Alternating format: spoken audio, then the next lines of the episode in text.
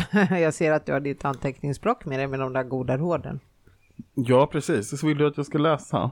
Mm. Ja, vad står det? There are no impossible dreams, just our limited perception of what is possible. Ja, var inte det right on spot så säg. Kan vi få Mm. en översättning för icke engelsktalande lyssnare? Ja, vilket språk vill du att jag ska översätta till? Börja med det du kan hantera. Ja, vi tar svenska då. Mm. Mm. Det finns inga eh, omöjliga drömmar. Bara vår eh, begränsade uppfattning om vad som är möjligt. Så skulle jag tycka. Mhm, Mm. Det var bra. Det var väl bra? Jag tyckte det var väldigt... Ja. Ja, men det är ett ämne som jag tänker väldigt mycket på, just mina egna begränsningar. Ja, De är inte många, men de finns där. ja precis. Nu vet man för en millisekund så tänkte jag så här, eh, skämtar hon nu? Nej, Men det är ju roligt. Jo, jo, jag har mina Mm. begränsningar. Och det är kul att se vilka drömmar är det jag inte vill uppfylla på grund av att jag inte tror att jag kan. Mm. Det där är jättespännande. Det är ju som jag har funderat mycket kring det här med och nu blir det väldigt, jag tycker ändå vi skulle startat lite glatt och ho- hoppsan. Men, men jag, jag är ju, jag, ja precis, jag har ju tänkt på det här mycket med rädsla, att, jag är väl, att man är väldigt styrd av rädslor. Det försöker jag jobba med. Vad är det för rädslor du styrs Ja, det är så långa listor så där får vi sitta här till imorgon om vi ska reda ut det. Men det, nej men det är liksom allmänt bara så här att, att liksom, nej men du vet det kan vara allt ifrån liksom, ja jag vet inte, nej men det, vi kan återkomma till detta, vi kan, det här blir ett eh, specialavsnitt. Ja, men du, Ja, kul att du frågar. För vad är vänta, dina jag ska- begränsningar? Jag har skrivit ner dem, vänta. Ja, Roligt att jag råkat ta med mig det här anteckningsblock ja som jag har det i känns bilen. otroligt. Ja, Ja, spontant. där jag har skrivit. Jaha, För att om jag kommer på roligt. vad jag... Ja. Ja. Jag skrev ner mina begränsningar.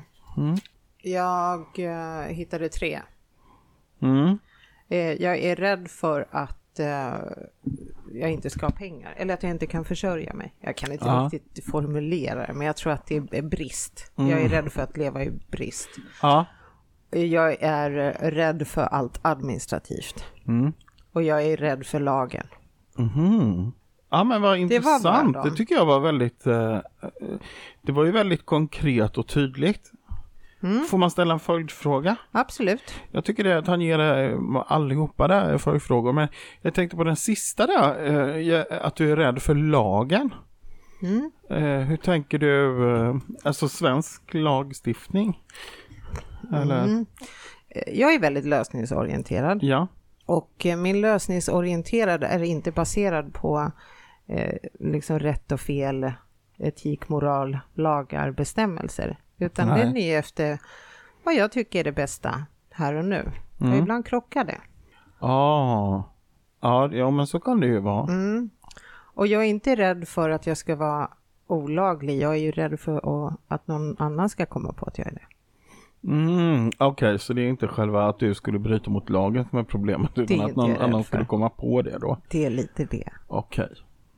Till exempel om du skulle mörda någon och så är du inte... Så Ja. håller inte alibi. Nej, just det, Nej. det är det som är. Okej, ja, vad intressant. Mm. För ibland kanske jag bryter mot lagen utan att jag vet om det. Mm, ja, men det gör man ju säkert för det Ja. finns ju väldigt många. Mm. Men, men det tycker inte jag räknas riktigt för man vet ju om ändå de flesta. Sådär vet jag. Okej, berätta mer om brandskyddslagen då. Ja men det kan jag göra absolut. I vilket sammanhang vill du veta mer eller vad? Har du någon specifik fråga? Kan du sånt eller? Eh, jag, eh, jag är ju så här, vad heter det, brandskyddsansvarig. Men då kan jag ju stryka den punkten. För då kan jag ju på något sätt bara luta mig mot att du håller koll på att jag gör rätt. Mm. Ja, det beror ju på eh, när och var du gör det. Och, och, ja. Du vill inte ta något helhetsansvar för Eh, mig. Nej, jag tycker också precis som lagen säger att det är ju, för det är ju lite luddigt det där. Det är ju upp till var och en egentligen. Eh, Det finns krav på att man ska ha ett brandskydd men inte direkt hur. Ja. Utan, eh, mm. Mm. Men det där det kan vi fördjupa oss i en annan, en annan gång. Men vad, ja, nej men det var, Men det var inte så många begränsningar. nej det var det verkligen inte, nej. Mm. Nej, jag menar tre, herregud, det är ju nästan Ja, till fast jag började skriva i förrgår så jag har inte Mhm. hunnit. Det kommer mer. Ja, fast sen började jag skriva en annan lista Mm. på andra sidan. Du kan, Nu Mm. tänker jag inte rabbla upp det här, Nej. men du ser ju antalet punkter. Mhm. Ser du många? Oj, Och det var möjligheter. ja men du ser, Ja, vad härligt. jävla skillnad. Och så skrev jag på finska för att då kändes det som att det var krypterat så att ingen stjäl mina idéer för att det är ju ingen som kan det här språket. Nej, det är inte många som... Mm. Det är så här Ja. vi ska för, eh, förvara företagshemligheterna. Det är att jag Mm. skriver dem. Ja, och du kan tolka dem? Ja, Mm. ja men det låter säkert. Absolut. Ja, nej Ja. men det var... Mm. Mm. Ja, vi började starkt idag, det känner jag. Men vad roligt att jag råkar ta med mig det här blocket nu upp i min handväska, för det här brukar Ja, ligga i bilen. Det fanns någon mening att du skulle ventilera det här med ditt brandskydd. Är det olagligt att sitta i bilköerna och, och skriva upp listor som handlar om rädslor och begränsningar? Nej, jag tror inte det. Jag tänker att man ska ju vara uppmärksam i trafiken, men står du i en bilkö så händer det inte så mycket. Så att uh, kanske under just Mm. den tiden så... Och du behöver inte fråga vad jag tycker är en bilkö, va? Du ser, allting är en tolkningsfråga. Ja, det... Ja, nej. Ska vi försöka tolka vår gäst idag? Ja, men det tycker jag. Det tycker jag. Det vore väldigt roligt. Mm. Ska vi hälsa vår gäst välkommen då? Vi bara gör det. Vi bara gör Vi det. bara gör det så här tokigt. Tjoho! Välkommen. Hej! Hej, Hej. tack! Ja, du får presentera dig själv. Mm, Det brukar bli bäst då. ja, vi får se. Nej, men eh, Lotta Halvarsson heter jag. Jag jobbar ju som Soul Realignment facilitator. Och jag vet ju att ni har ju pratat lite om Soul Realignment förut på den här podden. Eh, Men för de som inte hörde det avsnittet då, så handlar ju Soul Realignment om att eh, hämta information och även eh, läka energi genom Akasha-krönikan. Det är en intuitiv metod för att få fram information via Akasha-krönikan då. Som vissa kanske känner till, kanske inte alla, men ska jag berätta lite om Ja, Akasha-krönikan men också gör kanske? det. Jag tror det vore jättebra. Mm. Precis. Nej, för Akasha-krönikan är ju som en stor eh, energimässig informationsportal kan man säga, där all information om våra själar finns lagrad. Eh, så att när man får tillgång till den här krönikan så kan man gå in där och liksom kolla upp en massa olika information om sig själv och andra, men med tillåtelse. Man kan inte gå in och läsa information om vem som helst hur som helst. Om man är nyfiken på kändisar och sånt, det kan man inte bara gå in och Det är lite så ta reda på. Liksom. Ja, Eller? Man kan exakt. kolla vad folk tjänar. Ja, precis. Eh, ja, fast inte utan tillåtelse då. Ratsit är väl öppet för alla, så det är väl det som skiljer den. Ja. Akasha-krönikan är väldigt skyddad. Eh, så man kan inte liksom gå in och kolla information för vem som helst, hur som helst, utan man måste ha tillåtelse från personen och själen och sådär. Eh, men eh, sin egen information kommer man ju alltid åt såklart. Eh, Så då kan man kolla på liksom vem man är på själsnivå, vad man har för gåvor, vad man har för syfte, vad man är här för, liksom, vilken själsgrupp man kommer ifrån, ens tidigare liv, vad man har varit med om där, hur det påverkar oss i det här livet idag. Och så där, mycket karma kan man titta på i Akasha-krönikan. Det är faktiskt fantastiskt. Vi har ju gjort det eh, både med Anneli som var gäst här i vår podd. Mm. Eh, eh, fantastiska Anneli. Alltså jag måste bara få säga, Mm. jag tycker att hon är en fantastisk person. Anneli Persson var avsnitt 50 tror jag. Kan Robert kolla upp det? Mm. Mm, jag gillar Vad henne tänkte du på då? Nej men jag bara tycker att hon är helt fantastisk och när jag gjorde de här läsningarna med henne det är liksom det var så right on spot. Och jag kommer ihåg första, efter första gången där. För vi skulle ju ta det på telefon och jag tänkte så här, herregud två och en halv, tre timmar eller vad hon sa. Jag tänkte så här, men gud vad är detta där? Tre timmar, det är ju en hel kväll. Alltså det var som 20 minuter. Mm. Och vet du efteråt, jag kände så här, allt är möjligt. Mm. Allt är möjligt. Och det var ju ett skifte som ägde rum där. För mig. Mm. Verkligen alltså. Så ja. För det var så fint det här med, med ditt citat här i början av podden, det här med Mm. möjligheter, att allt är möjligt, liksom att det bara är våra egna begränsningar. För det, och vi hade ju inte direkt planerat vad vi skulle prata om i den här podden innan, så det blev så väldigt spontant lite inkastat i det här. ja. Men det kändes så coolt att det var just det här citatet som var i boken tyckte jag. För det här med liksom möjligheter, det är ju verkligen där jag brinner för och liksom vill hjälpa människor att se att allt är verkligen möjligt, bara man har rätt kunskap och rätt information. Liksom. Och det är ju där du får reda på i läsningen är är ju det här liksom, vem är jag, vad är jag här för, vad är mina unika gåvor, hur kan jag uttrycka dem? Så jag kan tänka mig att det är det som gör att du verkligen får den där känslan av att wow, allt är möjligt. Liksom, ja, ja, men det, ja. När vi connectar med våran sanning eller liksom vårt ursprung på något sätt så får vi den känslan, för där det finns oändliga möjligheter när vi kommer i kontakt med, med sanningen om vilka vi är. Liksom. Mm. Men jag som är den praktiska av oss tre, tror jag, säger jag utan att känna Lotta. Mm. Mm. Hur kommer man åt den här krönikan? Ja, alltså det är egentligen väldigt, väldigt enkelt. Eh, och, och det är det som kanske många eh, Alltså det är nästan lite så här, man blir, det blir lite så här mindfuck, förlåt nu. Ja, men det använd termer som vi förstår. Ja, eh, för att det är så himla enkelt, för att många, alltså så här, många kämpar ju med att få tillgång dit och vet inte hur de ska göra och många som liksom försöker gå in eh, på egen hand genom kanske meditation eller sådär, eh, litar liksom inte på att de är där. Eh, och där, därför kan det vara svårt att liksom få fram information för att man inte vet hur man gör eller man tänker att det ska vara komplicerat, att det ska vara någon slags svår process, att man måste försätta sig i någon djup meditation eller så här. Men i själva verket är det väldigt, väldigt enkelt för att vi alla är alltid eh, Ehm, uppkopplade till Akasha-krönikan. Akasha-krönikan är ju liksom en del av oss och i och med att det existerar på ett rent energiplan så det är liksom här nu, alltid. Det är liksom, ja, det är inte separerat från oss, utan det är liksom alltid här och nu. Ehm, så att egentligen är det väldigt lätt för att vi alla har egentligen redan tillgång dit. Men, men sen är det liksom en viss process för att tona in till just den eh, energifrekvensen där den här informationen finns och sen finns det ju liksom, ja, det är ju en process att liksom få tillgång till just rätt information för att det är ju liksom, det finns oändligt mycket information i Akasha-krönikan, alltså all, allting som någonsin har hänt i alla våra liv sedan vi först blev till som själ finns registrerat här. Så ni kan tänka er hur mycket information det är liksom. Eh, så just det här liksom, vilken information vill jag komma åt och varför? Det är ju det som är hela liksom soul relignment-processen, att, att liksom få fram då varför vill jag ha just den här informationen? Vad kan den göra för nytta för mig just här och nu i mitt liv? Liksom? Hur kan jag använda den på ett produktivt sätt? Um, så att det finns ju, så här, på ett sätt är det väldigt enkelt, men sen är det ju en hel vetenskap att lära sig liksom vilken en, alltså, information man vill ha och varför man vill ha den och sådär. Um, så det är lite kanske avancerat att gå in på i den här podden här och nu, men Ja, det um, låter så. Det är väldigt mycket information. Aha, för jag, hade ju, jag tyckte Lotta kunde vara här för vi får en sån minikurs här och nu. Mm, så ja, vi, det ja. Vi kan, mm. Blir man certifierad efter att ha lyssnat på det här? ja, precis. Du får göra ett eget diplom. Ja, med. Robert börjar rita på något. Mm. Eh, men om vi backar bandet. Mm. Eh, hur halkade du in på det här? Mm. Eh, alltså jag tror det började ju med att jag hade mitt andliga uppvaknande sommaren 2016. Eh, och då eh, var jag på en plats i mitt liv där jag liksom inte var nöjd med någonting egentligen. Ehm, jag mådde väldigt dåligt och det var, jag var på den här punkten i livet där Ehm, jag hade gjort allt det här man skulle göra. Liksom. Jag hade gått klart skolan, jag hade pluggat på universitetet, jag hade skaffat det där jobbet inom marknadsföring som var liksom att ja, men nu har jag gått min utbildning, nu har jag mitt jobb och jag hade rest också och lite så här gjort det här sabbatsåret eller vad man säger. Ehm, och liksom var lite klar då med allt det här man ska göra i livet och så var det så här, jaha, var det här allt? var det bara det här det skulle vara liksom.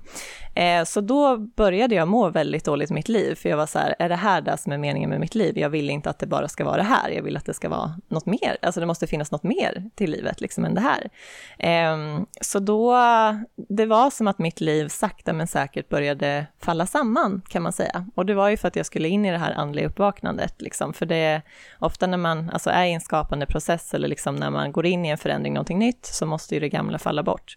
Så det ser ofta ut som destruction, liksom att allt faller samman, allt går skit helt enkelt. Ja. så det kan vara bra att veta för de som lyssnar om, om så här, man är i en sån period där allt är kaos, allt känns skit, man mår jättedåligt, att det, det kan vara att man är på väg in i liksom en förnyelseprocess. Eh, men så det var jag i då sommaren 2016 och eh, ja, alltså jag mådde väldigt dåligt som sagt, jag hade självmordstankar och var liksom redo att ja, så här, är det här allt så vet jag inte om det är värt det liksom.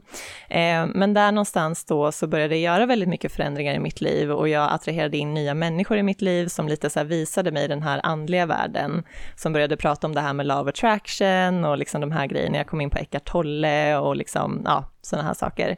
Eh, så då började jag liksom vara mycket i mindfulness och sådana här saker och det var någonstans där jag liksom vaknade upp för hela den här energivärlden igen. Eh, för jag har ju liksom varit medial sedan barnsben, eh, men har tryckt ner det väldigt mycket, för jag växte upp, det är en så klassisk historia som det känns som att alla har, men liksom att jag växte upp med föräldrar som var väldigt stängda för det och, och tryckte ner det väldigt mycket. Eh, men sen då den sommaren när jag hade mitt andliga uppvaknande så var det som att allt bara kom tillbaka igen. Så att det var verkligen som att mitt medvetande öppnade upp för en helt ny värld. Där liksom det inte bara är det här vi kan se och ta på, utan det finns också en helt annan värld med energier och liksom sånt som man inte kan se och ta på, men det finns också där. Eh, och där hade jag tryckt ner så länge liksom, så att allt det bara kom som en flodöppning eller vad man säger, liksom till mig. Så det blev ganska intensivt, det blev ganska mycket att, att ta hand om eh, när jag hade tryckt ner det så länge. Liksom. Eh, men eh, ja, så det var en väldigt intressant tumultmetod.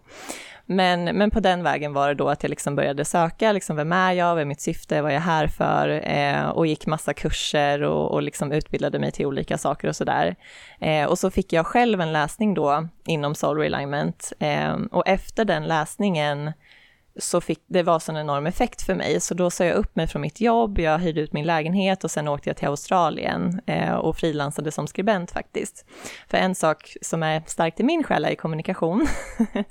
eh, så att jag ska ju liksom jobba med ja, prata, skriva, alltså allt som har med kommunikation att göra, bland annat. Och sen är frihet en väldigt stor del för mig också, att kunna göra vad jag vill när jag vill.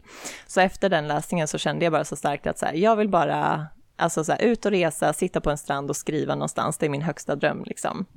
Eh, och så gjorde jag det. Och det var ju det här, jag kände att det var möjligt för att jag visste vem jag var. Jag hade fått kontakt med mina gåvor och min sanning liksom. Eh, så i och med det så, så funkade det. För jag hade också, nu blir det lite så här long story, men jag hade försökt innan jag fick den läsningen att eh, säga upp mig från, från ett jobb som jag hade då, då och eh, starta eget företag, för att jag hade kommit i kontakt med vad jag kände var mitt syfte och liksom vad jag var här för och sådär. Um, ehm, men, men fick det inte att funka första gången, för jag hade inte liksom rätt kunskap eller erfarenhet helt enkelt av vad som krävs för att ha ett eget företag och verkligen få det att gå runt och, och liksom få det att funka och så. Eh, och också så här vem jag var och hur jag skulle använda mina gåvor. Jag hade inte den kunskapen liksom. Eh, så då fick jag ta ett annat jobb och liksom skita i företaget och sådär. Och, och, ja. Men sen när jag fick den läsningen då så sa jag upp mig igen från det här andra jobbet då. Eh, och då funkar det för att jag liksom hade, hade rätt kunskap då, kan man säga. Eh, så um, ja, så efter jag hade fått den läsningen, jag var i Australien, jag jobbade som frilansande skribent och så kände jag så här att Alltså jag vill jobba med något djupare, liksom jag vill hjälpa människor på djupet. Så, och då tänkte jag så här, vad har gett mig mest transformation eller störst effekt? Och då var det ju den läsningen. Så då gick jag den kursen själv då, då är vi sommaren 2018 gick jag den utbildningen och eh, sen dess har jag helt och hållet livnärt mig på Soul Realignment faktiskt. Vart gick du utbildningen någonstans? Eh, hos Andrea Hess då, hon som har skapat Soul Realignment. Eh, så det, det är en onlineutbildning då som jag gick eh, hos henne eh, via, eller ja, hon bor i USA då, men eh, ja, på engelska. Men nu utbildar jag i det på svenska här i Sverige. Mm så nu kan man gå kursen hos mig också. Så att de första tre åren så gjorde jag ju läsningar då. Eh, och sen, eller nej, första två åren, förlåt. Och sen nu i tre år så har jag också utbildat i den metoden då. Hur lång är den utbildningen? Eh, det är en onlineutbildning som du går liksom i egen takt då. Men de flesta kan göra klart den på typ två, tre månader. För mig tog det typ sex veckor. Jag var väldigt dedikerad. Pluggade intensivt liksom. Ja, jag var redo. Ja, spännande. Vad tror du Pelle om du och jag skulle gå en sån kurs? Ja, Hur lång tid skulle det ta? Ja, nej men du vet innan pension eh, har vi kommit halvvägs. Det är jag säker Innan på. vi är 65 alltså. ja, precis. Du har alltid varit lite mer positiv. ja, ja, ja. nej men det tror jag inte. Men det, det skulle vara väldigt spännande faktiskt. Men en reflektion jag gjorde, det var det att du sa att ditt uppvaknande kom ganska hastigt där ju den där mm. sommaren. Men vilken ynnest ändå att, att få erfara att livet är mer än bara det vi ser och, och liksom hör. Mm. Eller hur? Precis. Att få ett sånt uppvaknande. Ja, för det Även där... om det kan vara lite jobbigt så är det ju...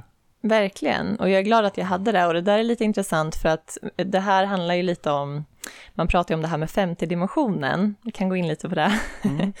Eh, i den andliga världen eh, och att vi är på väg in i 50-dimensionen, att alltså vi kollektivt som människor håller på att vakna upp liksom. Och jag vet att så här, många har olika definitioner på vad det innebär med 50-dimensionen och så.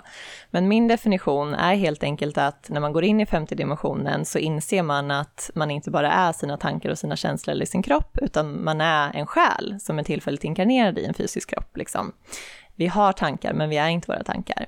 Eh, och många människor är faktiskt redan där. De föds in i det här livet medveten på femte dimensionen, så de har ju inte alltid den där känslan för vad skillnaden är, utan de har liksom alltid varit på femte dimensionen sedan de föddes in här. Men jag var ju inte där, jag var ju liksom på fjärde dimensionen, det vill säga helt identifierade mig från en plats av egot och mina tankar och så här, jag är min kropp, jag är mina tankar, liksom direkt kontakt där. Eh, så det som hände då i mitt andliga uppvaknande, det där som är liksom grejen, det jag kallar för andligt uppvaknande, var att jag gick från fjärde dimensionen till femte dimensionens medvetande då. Så att jag insåg det här att jag är inte min kropp, utan jag är en själ i en kropp. Jag har en kropp liksom. Eh, så det är ganska coolt att ha gjort det här skiftet i det här livet liksom. Och det är ju många som gör det nu. Det är därför alla pratar om det här med femte dimensionen, att vi håller på att öka vår medvetenhet och så. Eh, men att så, så tydligt liksom få uppleva det och känna skillnaden på hur det är att vara helt identifierad från en nivå av ego och sina tankar. Eh, och sen också känna skillnaden på när man inte är det. liksom. Det är väldigt svårt att förklara med ord, men, men det är ju den där definitionen att så här, jag, jag är en själ, jag är inte min kropp, liksom, utan jag har tankar, men jag är inte mina tankar, och så vidare. Um, så ja, mm. jag har en fråga. Ja. Jag eh, lyssnar väldigt noggrant här och antecknade till och med allt det här som du berättade och du pratar ju om det här med karma och det här allt som vi har varit med om i våra tidigare liv. Mm. Och det är här det jag behöver hjälp med att förstå. För att jag har ju fått informationen att Pelle och jag, vi är ju stjärnbarn. Mm. Uh, hur, hur ska man tänka då? För att om vi är stjärnbarn, då har vi liksom kommit trillat rakt ner bara. Vi har inget, vi har inget karmakonto. Uh, Nej, alltså... Nu kommer kontot. Ja, Börja med Pelles. ja, precis. Jag ska bara skriva fel och brister. Nej, men alltså så här. För karma, jag kan ju börja med att bara säga, karma är ju inte alls nödvändigtvis någonting negativt. Jag vet att många som pratar om karma ser det som så här, åh, nu har jag så skulder att betala från mina tidigare liv och nu har jag gjort någonting dumt och nu måste jag liksom sota för det. Och, och det är inte alls det det handlar om, utan karma är helt enkelt en universell lag, en väldigt neutral lag som helt enkelt säger att för varje handling vi tar så följer en konsekvens. Så karma är ju någonting fantastiskt också. Karma kan ju vara något väldigt positivt och någonting som kan skydda oss väldigt mycket. För att om vi gör val som är väldigt bra för oss, då kommer vi också få konsekvenser som är väldigt bra för oss. Så att så här, och då, då är vi ju skyddade i vår egen karma. Vi kan ju hålla oss trygga med vår egen karma. Så karma behöver absolut inte vara något negativt, eh, men vi människor har ju en tendens att göra vissa val som inte alltid är så bra för oss. så det är väl därför många kanske har en liksom, negativ association med karma, för att vi ofta får saker i våra liv som vi inte vill ha där. Vi, vi upplever ofta konsekvenser som är sånt vi inte vill ha. Och det är ju på grund av att vi har gjort val som har gått emot oss själva på olika sätt och så. Eh, men det är också det här att det är ju inte för att betala någon skuld eller liksom att jag har gjort någonting dumt eller dåligt, utan det är mer att vi ofta gör väldigt omedvetna val, att vi inte förstår liksom sambandet mellan valet vi gör och vilken konsekvens det kommer få. Eh, så att, ja, jag vet inte om jag ska ta något exempel.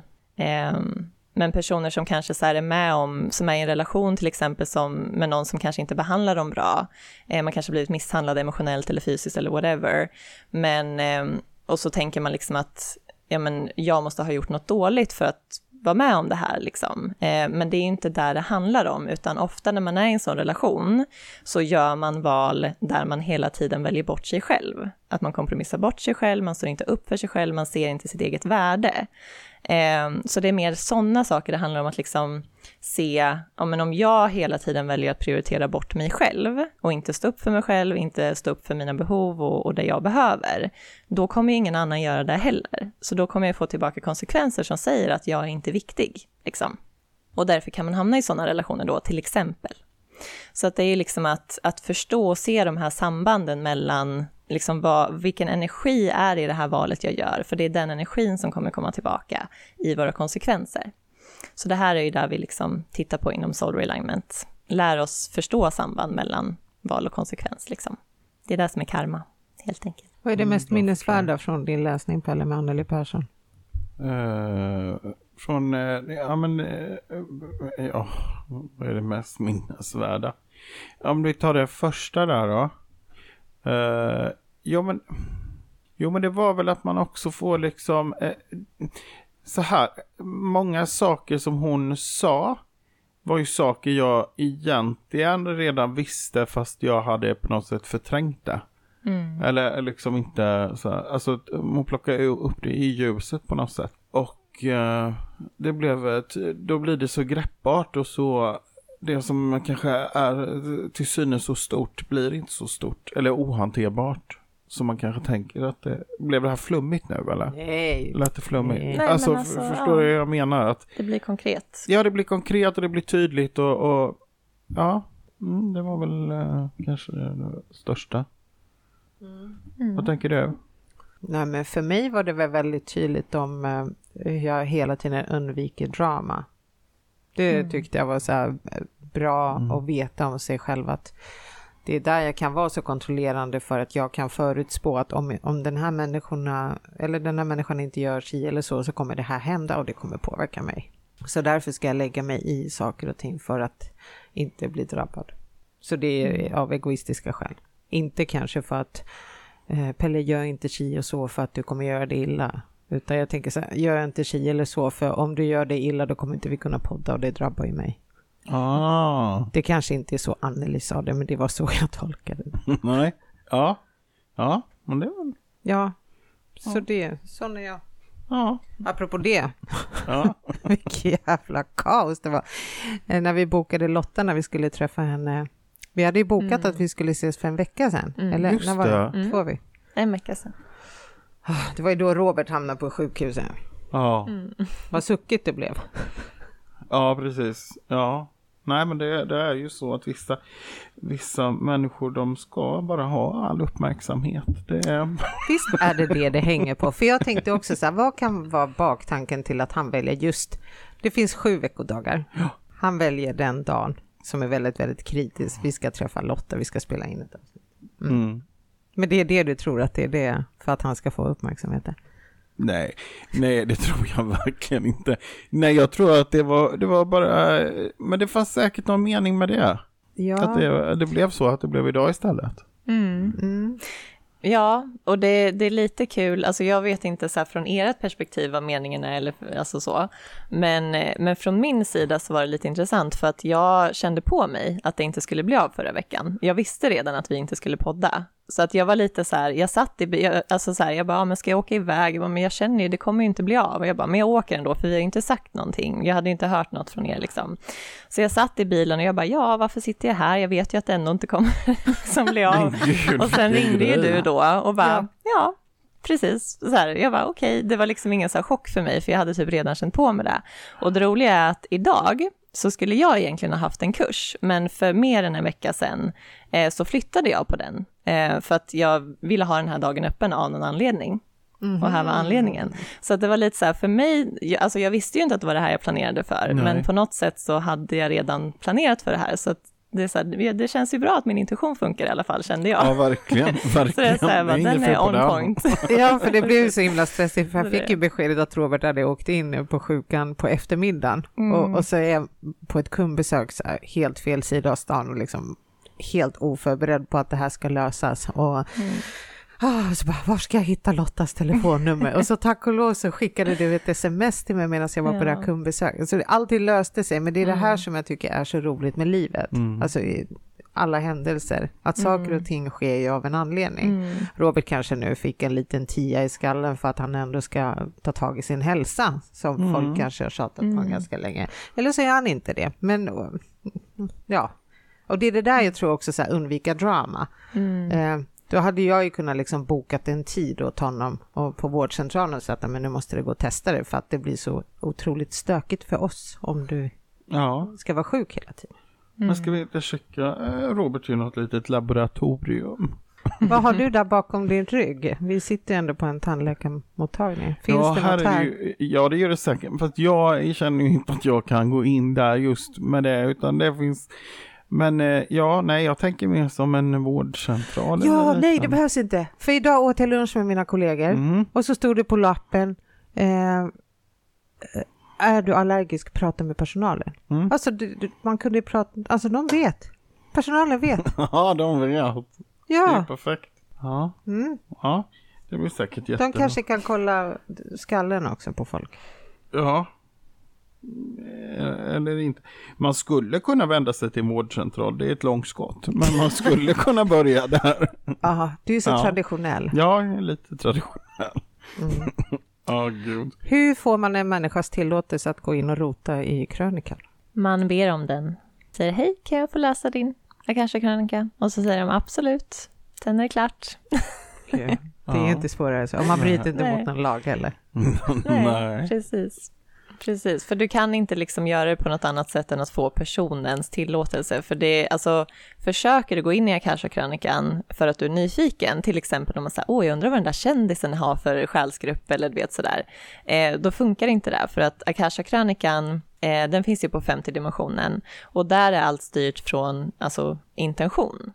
Så att om du går in med en typ oren intention, att bara så här ren nyfikenhet, att så här, det tjänar inget syfte för dig att veta den informationen, då kommer du liksom inte få något annat tillbaka än så här ett svar på din egen nyfikenhet. Så då kan det vara att man får svar som kommer från ens eget ego, för att man tänker så här, men den har säkert det här och då är det där svaret man får liksom. Så att det är så här, du kan inte få fram informationen om det inte är på ett rent sätt liksom. Men om man då till exempel skulle vilja eh, ha eh, tillgång till, till den eh, för ens egen del. Alltså om jag vill veta mer om min ja, tidigare liv eller så. Mm. Hur gör man då? Ja, du har ju alltid tillgång till din egen information i Akasha-krönikan. Du har ju din tillåtelse, för det är ju din information. Ja. Men liksom. hur gör jag då för att få tillgång till den? Alltså... Um, ja, alltså det är ju det här jag lär ut i kursen, så jag kan ju inte riktigt så gå in Men då blev ju det en sån här gå-kursen. Gå-kursen ja. nu. Ja. Ja. Eller inte nu, du måste lyssna klart först. Ja, verkligen. ja, och så måste du hinna först gå, mässan får man inte missa i Enköping heller. Nej, men det kan man göra Sen parallellt efter... ändå. Det, alltså man kan ta en paus Fast, och gå på ja, mässan. Men det är väldigt, man måste väl vara fokuserad, man kan inte gå på mässan och gå en onlinekurs samtidigt. Nej, man måste inte, samtidigt. inte samtidigt.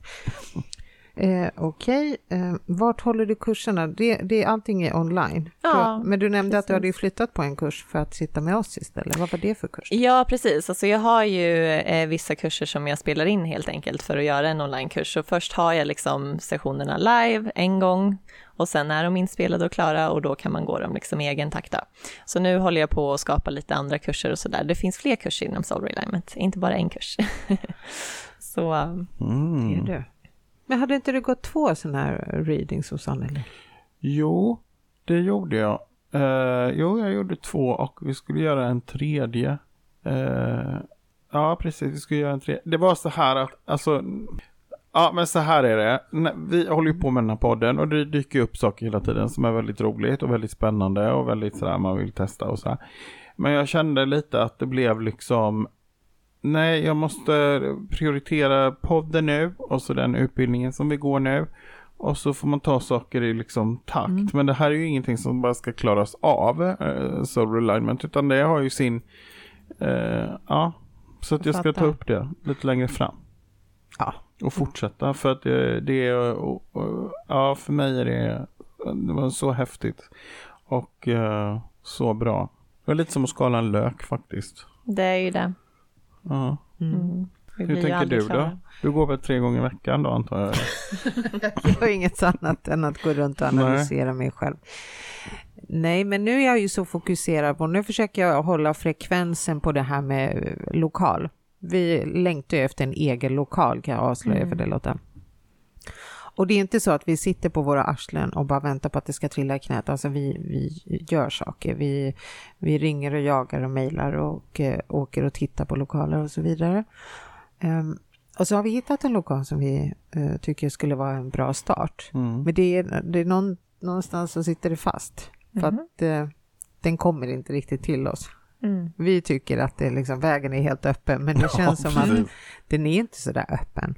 Så om det finns en, en reading vad det gäller lokaler så mm. bokar vi in oss på det. Då. Ja, en lokal reading som vi brukar eh, säga i branschen. Brukar ni kalla det för lokal reading?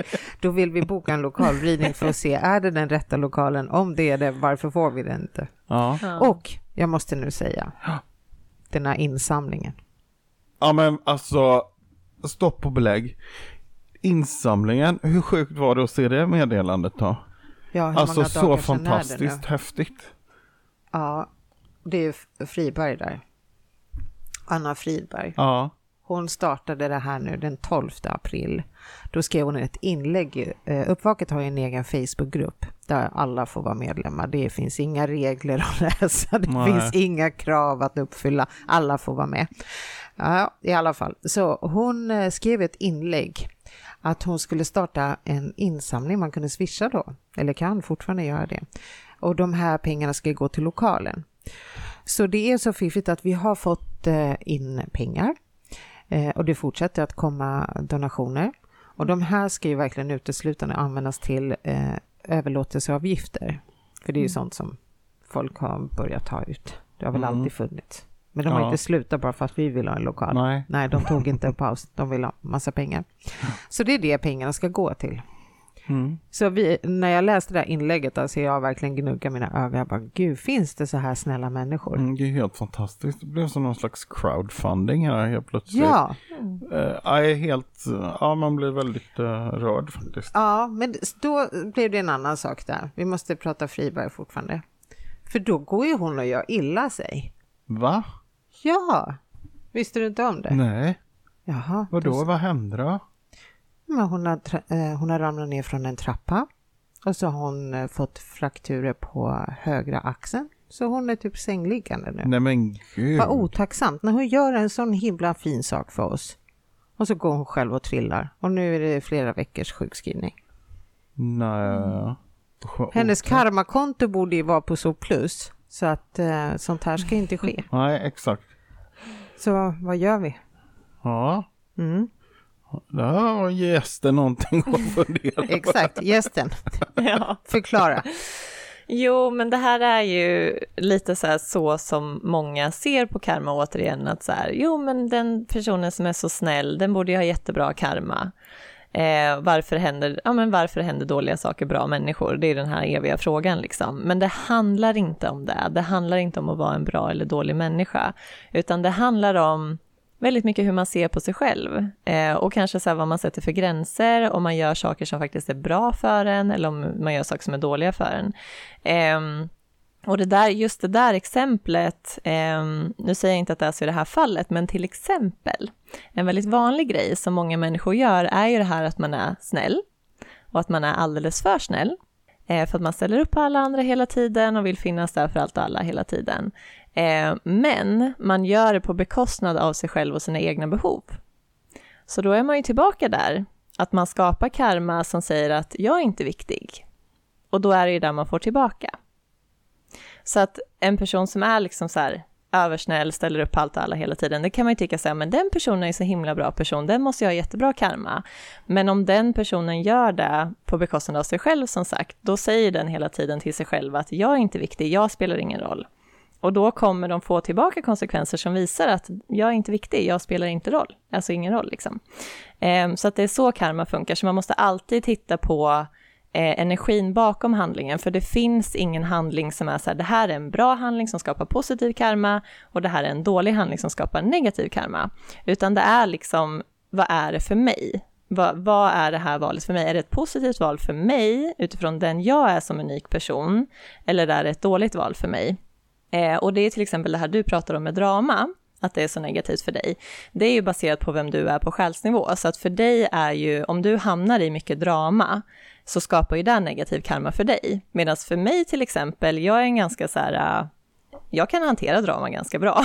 alltså så här, det är inte så jättenegativt för mig. Eh, men du, ni, ni har ju båda samma energicenter, det är lite kul. Ni har ju det här med ordning och harmoni och skönhet och balans och så här. Så ni, ni får ju positiv karma när ni gör val som ger er ordning och balans och harmoni. Men drama är ju motsatsen till det. Så att när ni hamnar i dramasituationer så skapar ju den negativ karma för er. Ja, det kan jag intyga. Ja, och ja. det är så här, för mig, jag kan vara i dramatiska situationer utan att det direkt skapar någon negativ karma för mig. Eh, jag är ganska så här självständig i min energi och, och, mycket så här frihet, vill ha valmöjligheter, klara mig själv och så här. Eh, så att jag är inte riktigt eh, lika beroende av andra personer, eller så här, jag kan hamna i, i dramatiska situationer med andra och att det inte rör mig så mycket i ryggen för att jag, jag är min egen energi, jag klarar mig själv liksom, på ett sätt. Eh, så att, och, men obligation däremot skapar negativ karma för mig. För att jag behöver frihet och jag behöver få ha valmöjligheter att få göra vad jag vill när jag vill. Det är där som jag får min livsenergi och positiv karma ifrån. Eh, men om jag hamnar i måsten, om jag hamnar i situationer där jag inte vill vara, så det blir som en obligation för mig, då dränerar det mig, det tar av min energi och då skapar det eh, negativ karma för mig. Så att där är vi ju så himla olika och det är därför det är så värdefullt att känna till också vem man är på själsnivå, vad man har för unika gåvor och sådär. För det är det som säger vad som faktiskt skapar positiv och negativ karma för mig. För det finns inte så ett, som sagt, val som säger det här är alltid negativt eller det här är alltid ett bra val. För det är väldigt, väldigt olika baserat på vem man är som själ liksom. Så det är jättevärdefullt att känna till den informationen. Mm, det är det ju verkligen. Någonting mm. som är väldigt dramatiskt för mig, det är den här perioden som kommer nu. Mm. När man måste deklarera. Mm. det, ja, det är lite ja. jobbigt. Men har inte du eh, liksom hjälp med det? Ja. Uh. Jo, jag är Pia. Ja. Så... Men ja, ändå. Jag går och bär på det. Alla andra är så här, så fint med våren och fågelkvitter. Det är det de hör. Jag hör prassel i brevlådan när det kommer brev med deklarationer. Men vadå, du, men jag lämnar du inte bara vidare det då till henne? Ja, det spelar ingen roll. Nej. Jag måste fortfarande öppna kuvertet och jag måste titta hur mycket pengar de vill ha utav mig. Jaha, det, det är det. Att, att, mm. okej. Okay. Ja, just det. Och just nu är jag i ett sånt där flöde när det är väldigt mycket folk som vill ha pengar utav mig. Är det så? Mm. Det är konstigt det där. Mm. Förutom Anna Friberg då som vill ge oss ja, pengar. Precis. Hon är ju undantaget just nu. Men ja. det har ju med podden att göra. Min privatekonomiska situation är ju att folk vill ha pengar av mig. Men gud. Mm. Ja. Du är inte i den sitsen ser jag, för du ser ut som ett frågetecken. Nej, det vet jag inte. Du är i ett flöde när det bara kommer mm. pengar till dig. Ja, det är bara gala och champagnage.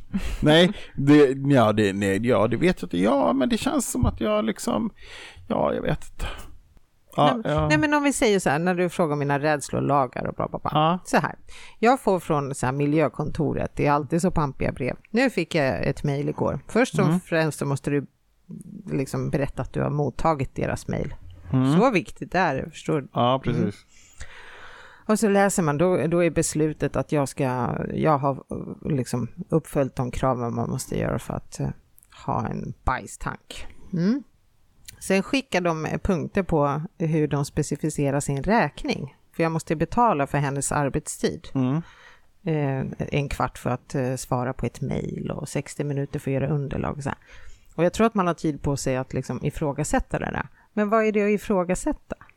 Nej, det är ju svårt. Ja. Ja. Så jag är ju en ja-sägare. Säger skattemyndigheterna betala det här? Jag säger ja. Ringer Vattenfall och säger hej, vi skulle vilja att du betalar det här. Pff, jag pröjsar. Ja. Alltså jag har inget att sätta emot. Nej. Det är den där rädslan jag har, att jag inte kan... Jag har inte tillräckligt med kunskaper.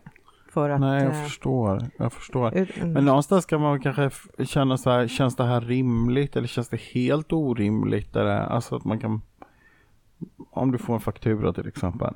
Mm. Ja, alltså någonstans kanske man kan känna lite att ja men det här låter vettigt eller.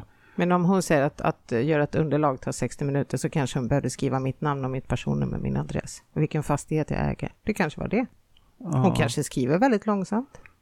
Hon ja. kanske inte kan skriva så snabbt på tangentbordet. hade jag fått en annan handläggare som skriver väldigt snabbt, då kanske ja. hon hade debiterat 30 minuter. Vad vet jag? Nej, nej, nej, visst. Men känner du att jag ska ta den här fighten med Nej, jag nej. känner att, nej det var det jag menar med att man kan göra en första bedömning. Att, ja okej, okay, men hon säger att du har 60 minuter. Ja men det, det låter väl kanske mm, okej. Okay. Det är ju inga jättesummor. Men skulle det komma en faktura på en halv miljon, då skulle jag ju känna så här, det här känns inte riktigt rätt och rimligt. Då kan man ju börja Säger killen som fick en faktura Eller? på 2 500. Åh herregud, ja men jag, jag trodde ju det var gratis. Pelle har gjort en hemsida. Mm -hmm. Ja, eller gjort. Men ja, precis. Men det, det, det la vi ner sen för att jag, ja. Mm. det blev för dyrt. Nej, det, det, det, var inte det egentligen att det var den summan som var för dyr, utan det var mer det här att jaha, här kom det en faktura på 2 500. Eh, vad kommer nästa gång? Mm. Jag fick panik, för jag trodde ju att det var ja, gratis. Ingenting är gratis. Nej. Så att vi, det här är vår, vår vardag Lotta. Mm. Förstår du hur vi har det? Mm. Det är tufft. Jag förstår. ja, men det finns andra människor som är duktiga på sånt där så att då man kontaktar dem. Mm. Vi kommer behöva ha verkligen så här 15 administratörer. Ja. Som bara tar hand om sådana här. Uppvakets administrativa avdelning kommer bli enorm i framtiden. Jag tror att vi kan bygga upp det här lite som Friskis och Svettis, att det är väldigt mycket ideellt arbete som ligger bakom. Så att om det är någon som känner att de ideellt vill arbeta med våra utmaningar, våra rädslor och blockeringar, ja. så kan man mejla info uppvaket.se. Ja, precis. Mm. Mm. Så kan man ju kanske skriva om man vill hjälpa Pelle eller mig i ämnesraden. ja, precis. Ja, nej men det. Bra, tillbaka till Lotta. Mm. Men dina personliga erfarenheter då? När känner du att du verkligen haft nytta av att kunna så här mycket om dig själv? Åh oh, herregud, alltså det, det här är ju mitt liv nu. Jag kan ju liksom inte Alltså till exempel nu när jag vet vilka ni är på själsnivå, alltså för mig är det lite som så här, jag är typ inte bekväm med att träffa andra människor om jag inte vet vilka de är på själsnivå. Jag vet inte hur jag ska prata med dem typ. Så det är så här, ah, hej, vad heter ni och vad har du för energicenter och själsgrupp? Okej, bra, då vet jag. Alltså så här, så för mig är det en så stor del av vår identitet. Det är ju liksom vilka vi är i våran kärna. Så jag är lite så här, jag, jag blir lite så här, handikappad, jag vet inte riktigt hur jag ska bemöta människor om jag inte har den informationen om dem. Ehm, men jag använder ju det bokstavligt talat allt i mitt liv, alltså hur jag byggt upp min business, eh, mina relationer, alltså min hälsa. Nu, jag fick ju en autoimmun sjukdom här för två år sedan, eh, så jag har ju helt och hållet använt det jag kan från Soul Realignment i att läka från den liksom. Ehm, så att det är så här, bokstavligt talat allt, det är livet liksom. Hur, hur fungerar jag bäst? Alltså så här, hur gör jag livet bäst? Typ. Det är ju det som den här kunskapen ger oss. Um, så det är väldigt så här, äh, stort. Men om vi tar det här med sjukdomen, det är ett mm. jättekonkret och bra exempel. Hur ja. kunde du använda det för att läka dig själv? Mm. Alltså så här, eh, en väldigt stor grej i det här när man jobbar med soul realignment är ju att man inser att det här att man är en själ i en fysisk kropp och att man är den kraftfulla, ska eller vi är de kraftfulla skaparna av vår egen verklighet. Så att, och man lär sig liksom förstå vem man är och hur man är designad för att skapa på bästa sätt. Så att vi, vi bygger ju bokstavligt talat upp våra egna liv utifrån att vara de vi är. Liksom.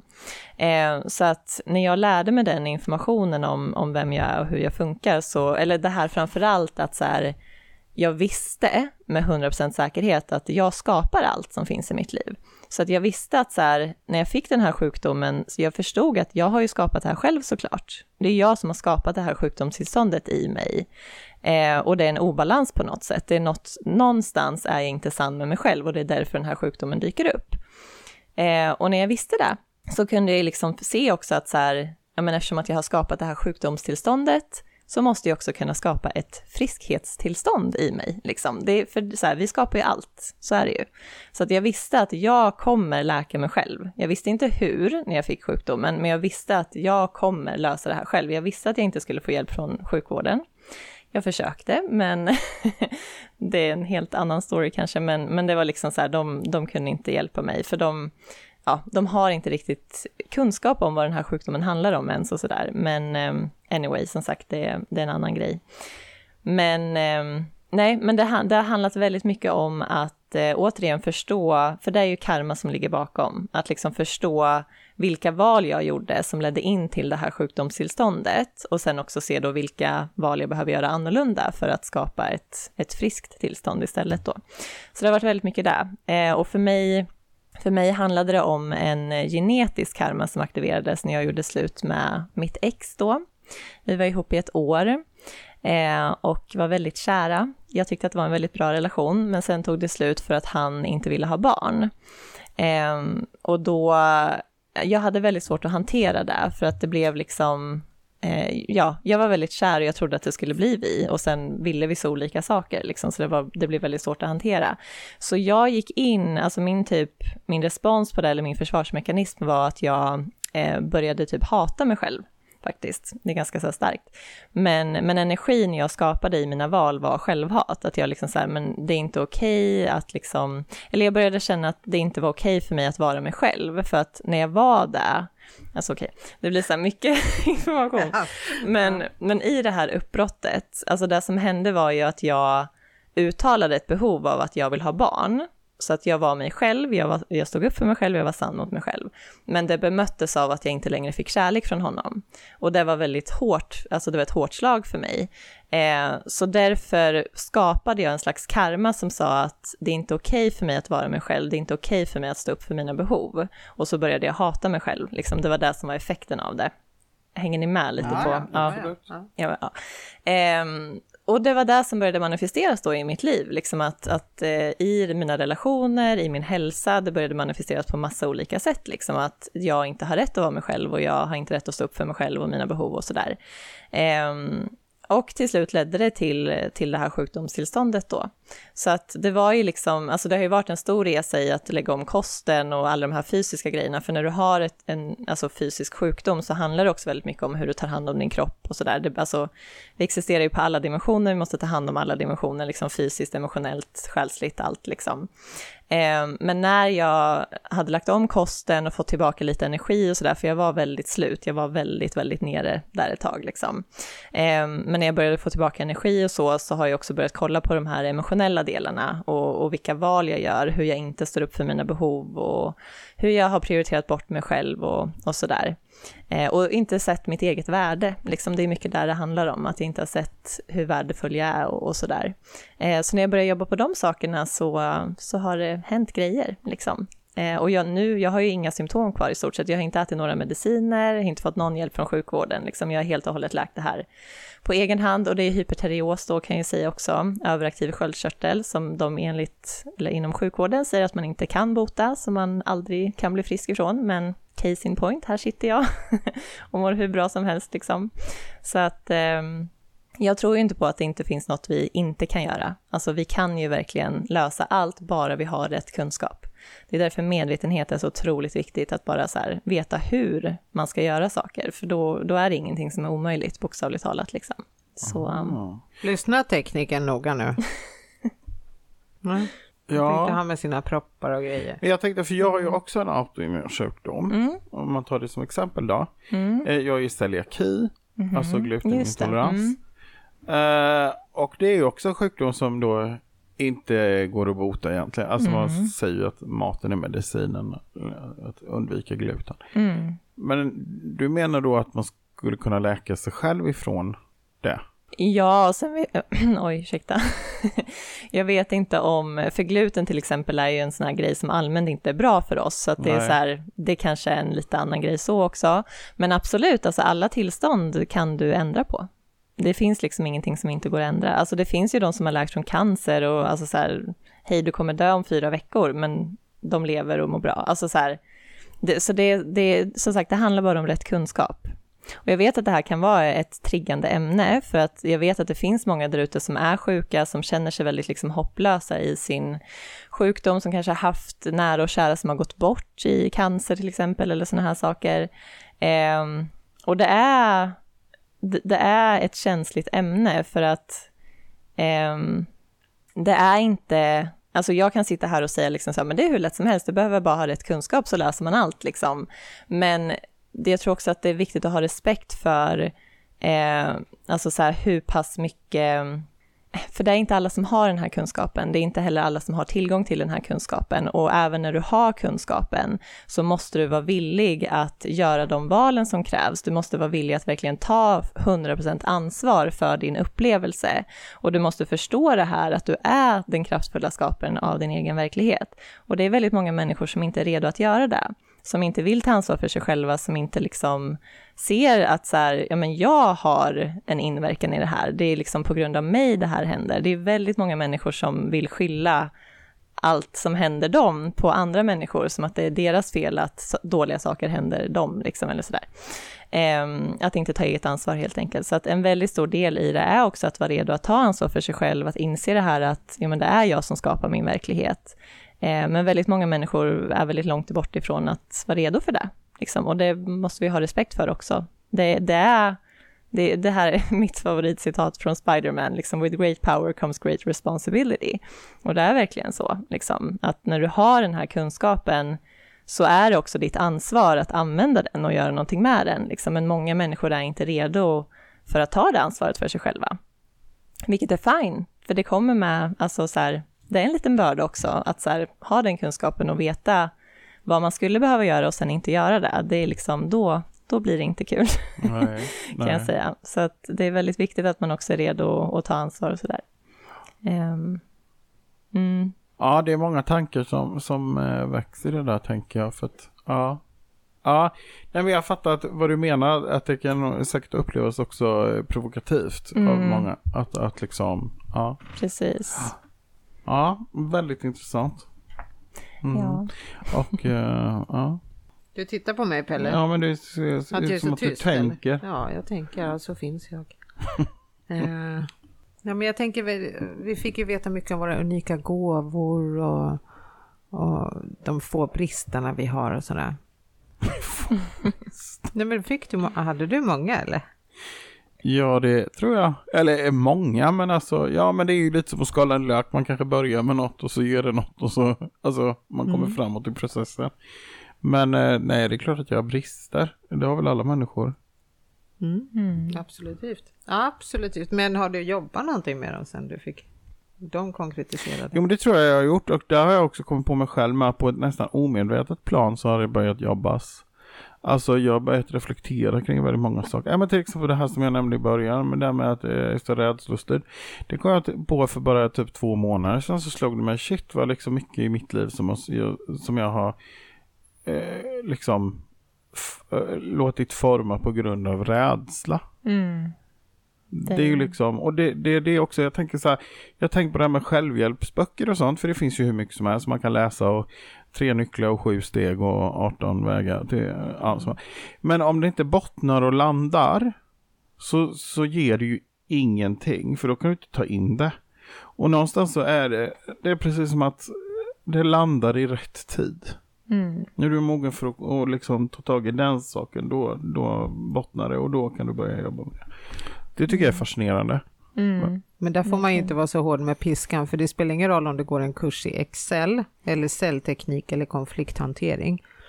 Får man inte implementera det i sin vardag, det där bleknar ju. Du vet, då kommer man ju bara ihåg det goda fikat, att det var wienerbröd. Ja, du fick inte det naturligtvis eftersom du har ju gluten det där. Men jag fick ju alla dem. Ja, precis.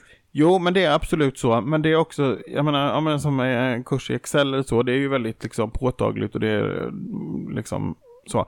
Men när det handlar om en själv och eh, sin egen utveckling, tänker jag, ja men för mig är det så i alla fall, det måste komma i rätt ordning och i rätt tid. Mm. Mm. Det är liksom för att det ska bli bra. Där får man ju ha tillit också till att det sker när det ska. Vad har du för relation till attraktionslagen? Eh, ja, alltså inget speciellt mer än att det är en universell lag som finns liksom, eller? Funkar den inte. tycker du? Alltså, eh, ja, okej. Okay. Attraktionslagen är ju liksom en av många universella lagar eh, som har fått väldigt mycket uppmärksamhet från väldigt många. Och jag vet att man kanske inte använder den på rätt sätt, för att jag vet att många förlitar sig helt och hållet på attraktionslagen och liksom tänker att om jag bara sitter här och tänker positivt så kommer saker ramla i knät på mig. Men karma är ju också en universell lag till exempel, så du, alltså karma är ju den lagen du skapar genom faktiskt. Så du kan ju bokstavligt talat inte manifestera någonting fysiskt i ditt liv med hjälp av attraktionslagen, utan du kan bara skapa med hjälp av karma. För att karma kräver att du tar handling, fysisk handling. Liksom. Attraktionslagen, du attraherar saker på ett annat plan. Det sker liksom inte fysiskt, utan när du använder attraktionslagen så tänker du positivt, vilket gör att du kanske attraherar in möjligheter, men du måste också ta handlingen. Så därför måste vi också blanda in lagen om karma till exempel. Och det här är också bara två av många universella lagar. Just det. så det är liksom så här, man behöver på något sätt helhetsbilden av det. Vad är det för andra jag. lagar du tänker på då? Eh, alltså det finns ju till exempel lagen om polaritet, att till varje, alltså positivt så finns något negativt, liksom att vi är hela varelser, vi har alla skuggsidor och solsidor eller vad man ska säga. Eh, love correspondence, som jag kallar för spegellagen, att liksom allt som, som finns i vår omgivning är bara en spegling av det som finns inom oss. Så att om jag går runt och känner att jag inte älskar mig själv, då kan ingen annan älska mig heller, för att de måste, alltså andra människor måste spegla min oälskvärdhet i mig, liksom, om det finns inom mig. Och sådär. Eh, det finns ju andra, jag har inte alla i, i huvudet sådär, men, eh, men ja, det är ju lite så här, attraktionslagen är ju den universella lag som kanske har fått mest uppmärksamhet, som de flesta känner till och jobbar mest med, men det räcker liksom inte att bara jobba med attraktionslagen, eh, för det, ja, mm. det finns så mycket annat man också behöver använda sig av. Liksom. Men den, den är legit, liksom. det är en lag, den finns, den mm. funkar. Om man använder den på rätt sätt. Jag gillar ju ändå tanken på att allt vi har i våra liv har vi skapat själva. Ja, faktiskt. Mm. Alla beslut vi har tagit och alla beslut vi lät bli att ta mm. och någon annan tog åt oss. Mm. ja, men det är oftast det jag tänker på att jag vill ju gärna ta snabba beslut, för gör inte jag det, då kommer ju någon annan och gör det åt mig. Mm. Mm. Du tänker så. Samma som med mat, om jag inte äter upp det snabbt, då kommer någon att ta maten ifrån mig. Alltså det är lite samma. Okej, okay. ja. nej, det... Va? Du har inte levt under samma press eller?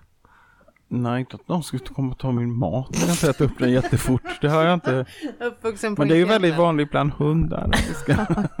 ja, man äter väldigt fort. Ja. Innan nästa valp kommer och grosar ja, exakt. Ja. Ja, nej, för jag ser på dig att du inte alls höll med mig där. Men håller du inte ens med om att någon annan tar besluten åt dig? Om inte du, du kan... Jo, bestämma. till slut blir det ju så. Du lämnar ju ifrån dig makten ja. över ditt eget liv till slut. Ja, så är det ju absolut. Mm. Då är det också ett val du gör. Exakt, jag ja, väljer precis. att någon Det är ju också ett val. Ja. Mm.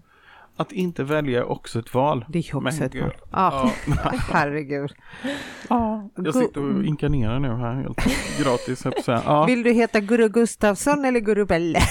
jag brukar kalla mig själv för oraklet i Bromma, men visst. I Bromma? Du ett bor i... också. Det. Ja, men jag arbetar i Bromma. Det... Du begränsar dig, hör jag. Ja, precis. Ja, precis. Ja. Nej då, men, men, eh, ja, nej men absolut. Så tillvida så håller jag helt med dig. Mm. Mm. Mm. Ja, ja men det är fantastiskt. Vi har kommit överens om en grej idag. Alltså det, Vadå? Det, vi är överens om mycket. Ja, det är vi. Mm. Vädret till exempel. Det är fint idag. Ja, idag ja. idag ja. Ska man vara så här neggo? Ja, idag ja. ja. Men då ser man ju skitigt det hemma när det är så här fint väder. Ja, och då är vi inne på det här med polaritet. Exakt. ja, exakt. exakt. Precis. Man tänker så här att åh vad härligt, och gud vad solen skiner och så då kan man titta mm. ut genom fönstret och inse fuck vad skitiga fönstren Ja, eller åh nu går jag upp klockan sju på morgonen för det är då solen skiner rakt in i sovrummet. Om ah. jag glömt bort att dra för gardinerna. Ja, just det. Mm. Mm. Så det är lite neggo. Mm. Men när man är i den där goda vibrationen, alltså är det inte också så att man inte ska ta några beslut när man inte mår bra? Alltså när man inte är sig själv. Alltså du tar ju alltid beslut och som sagt att inte ta ett beslut är ju också ett beslut. Alltså så här, så att du, du, du måste ju alltid göra val. Det är ju det enda vi aldrig kan bli fria ifrån, liksom vår egen karma.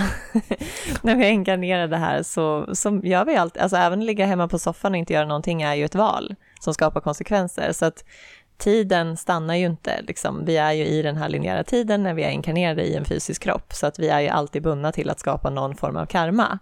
Så um, därför tänker jag att då kan man ju lika gärna försöka liksom skapa så bra karma man kan. Ja, liksom göra så positiva val för en själv som möjligt, för att man måste ändå skapa någonting. Liksom. Det, även om man kanske inte tror på att man skapar allt själv och att vissa saker händer av en slump och sådär, så är ju det en universell lag, det är ju alltid sant. Vi skapar ju alltid allt själva liksom. Vi är ju alltid de kraftfulla skaparna av vår egen verklighet, även om vi inte vill se det. Mm. Oh, det är det man inte vill höra när man sitter och äter kladdkaka till exempel. Den glutenfria. Den glutenfria. Ja, inte för att jag någonsin skulle göra det, men om det skulle hända skulle jag må mm. väldigt dåligt. ja. Gud vad jag hets åt mm. mackor igår. Gjorde du? Ja. Jag tog ett medvetet beslut att må dåligt. Hur klokt är det? Mm. Ja, men det var också... Men det är jättebra, alltså för det är det här som är grejen om jag bara får säga en sak. Att så här, det, det finns det här dömandet i vad som är ett bra och ett dåligt val. Det finns så mycket mänskligt dömande kring det. Att så här, oj nu var jag dålig, nu skulle jag inte äta den där kladdkakan eller så här.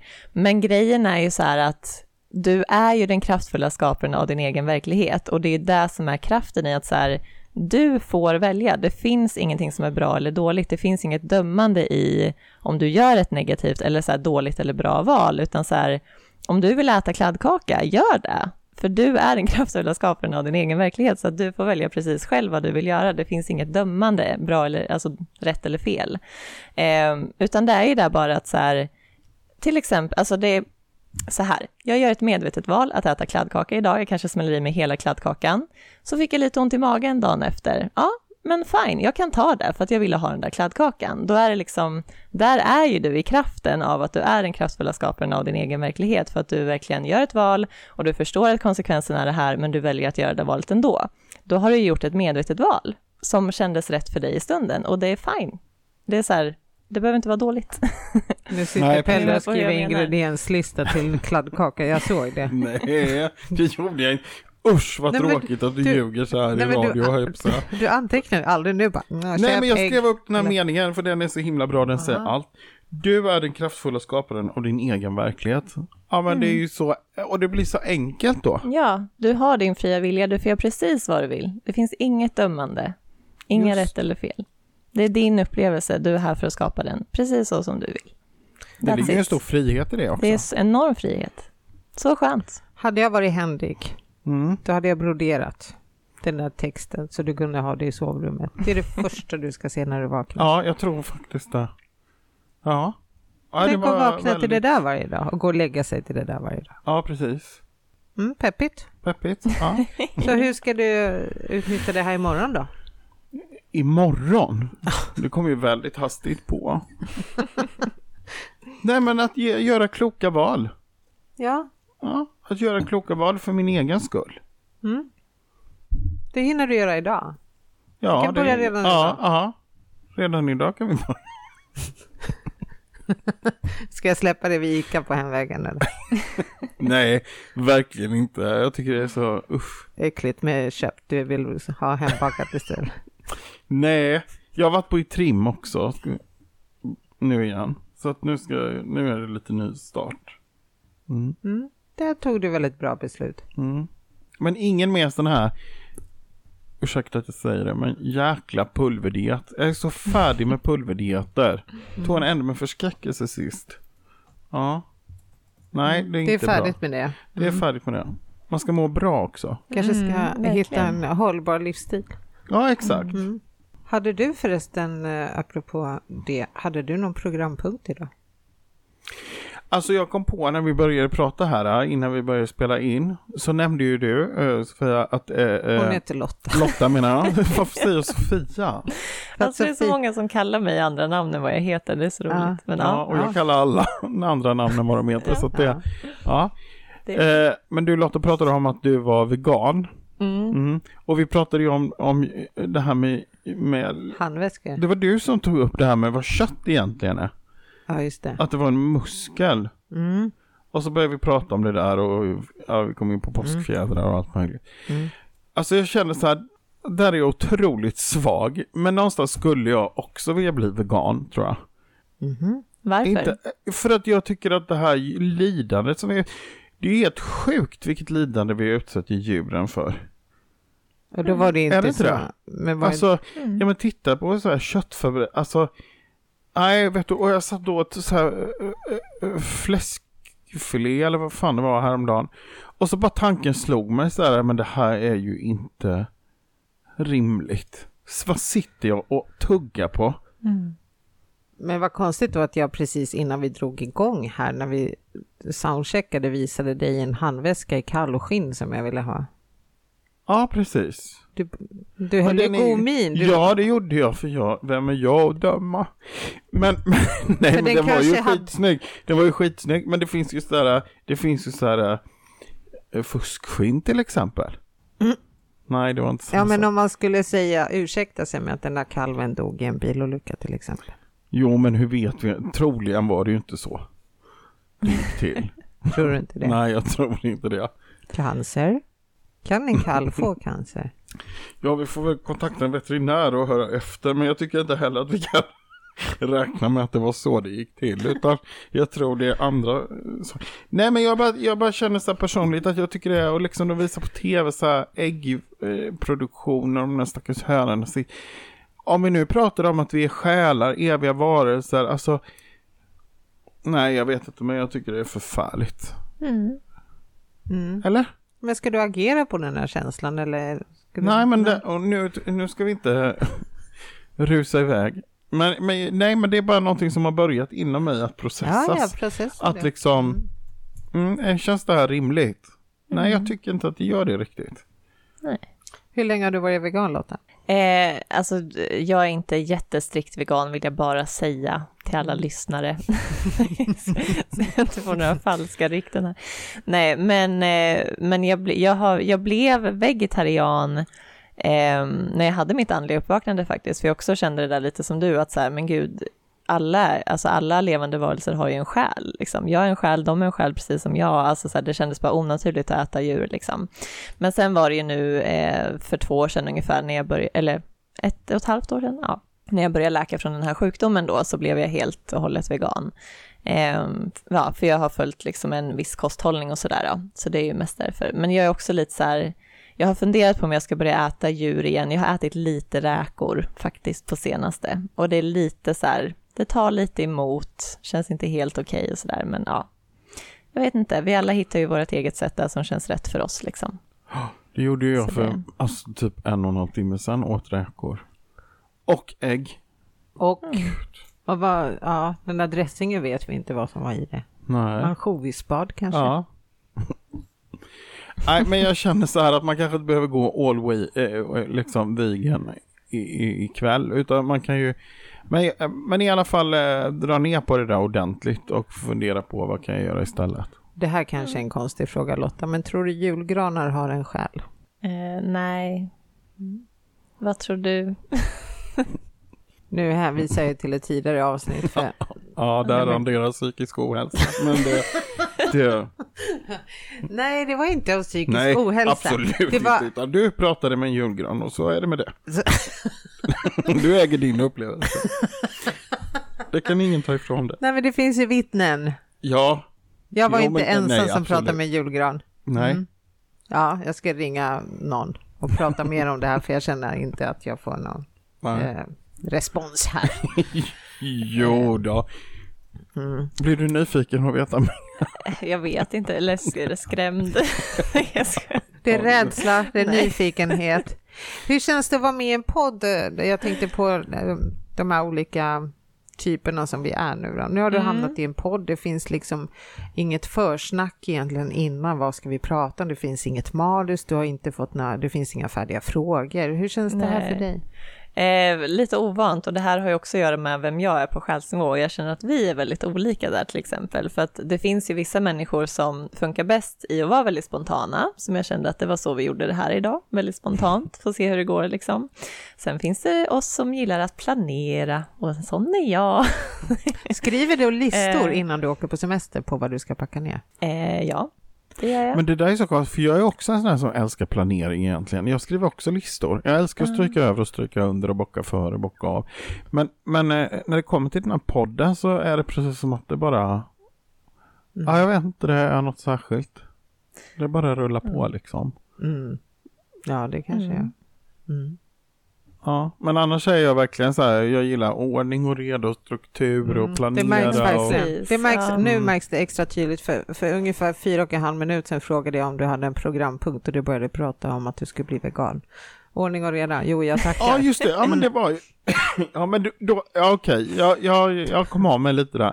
Men, men, men okej, okay. tillbaka till min programpunkt nej, men det, eftersom jag reflekterat, det här är också en uppmaning till andra människor som lyssnar på den här podden. Fundera kring detta. Man kan komma fram till olika slutsatser. Jag säger inte det, det finns inget rätt och fel. Ja, det kanske det gör, men det, ja.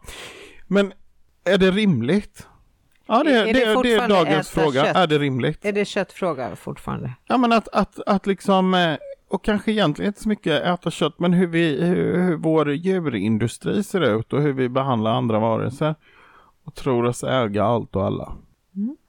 Tack. Det här, det här, kan också göra med avskaffandet av plastpåseskatten som jag blev jävligt upprörd över. Blev du det? Men ja, jag tycker det är inte klokt. Vi behöver minska våra, vår påverkan på miljön med mikroplaster och allt vad det är. Mm. Och då tänkte du att Ska det bli billigare att börja skita ner nu då? Det är inte okay. klokt. Men jag vill bara berätta för dig Pelle. Jag mår ju dåligt varje gång jag köper frukt till jobbet. Mm. För jag köper ju frukt till jobbet, mm. uppenbarligen, som jag berättar den här historien. Så då åker jag till affären och då finns det inga plastpåsar utan man får så här skithäftiga papppåsar. Och vi är inte så många så jag köper inte enorma mängder utan till de här tre, fyra äpplena och några mandarinerna så behöver jag en ny påse för att det ska vägas på ett korrekt sätt när jag kommer fram till kassan. När jag sedan kommer till kontoret och lägger upp det här på fatet, vad tror du händer med de här papppåsarna? Jag kastar ju dem. För det går inte att använda dem till någonting på kontoret. Jag kan lägga dem i återvinningen. Okej. Okay. Vad hade hänt om jag hade haft sådana här små fruktpåsar tror du? Jo, jag hade haft en i bilen där jag har mina pantburkar säkert, för att jag bor ju i bilen. Jag hade kunnat haft det till eh, matlådor, vad vet jag, massa mm, saker. De där pappgrejerna, de är nästan lika snygga och ovikta som när jag tog dem från affären, för de är helt oanvända. Mm. Mm. Skit, tycker jag. ja, nej, och jag känner att där kanske jag också gick över gränsen. Nu blev det politiskt och det var inte meningen. Nej. Utan, utan alla får använda vilka påsar man vill. Men jag bara tänker att Ja men dagens uppmaning är tänk efter människor där ute i etern. Vad gör vi med vår planet och med djuren? Ja, det var allt jag hade. Tack så hemskt mycket för mig. Jag ska aldrig mer. du ska ja. aldrig mer vad? Tycka någonting? Nej. ja. Jag tycker du tycker bra. Ja, men jag det är väl värt att tänka kring. Är det inte det? Absolut. Ja säger hon, för hon dömer inte heller någon. Nej.